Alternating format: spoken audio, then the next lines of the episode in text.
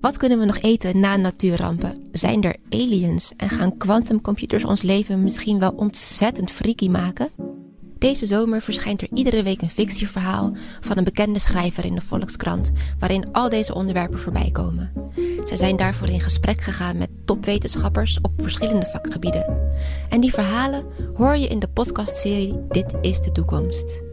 Ik, Laura van der Haar, ga in gesprek met zowel de schrijvers als de wetenschappers om erachter te komen wat er in die verhalen nou feit is en wat fictie en wat we eigenlijk van onze toekomst kunnen gaan verwachten.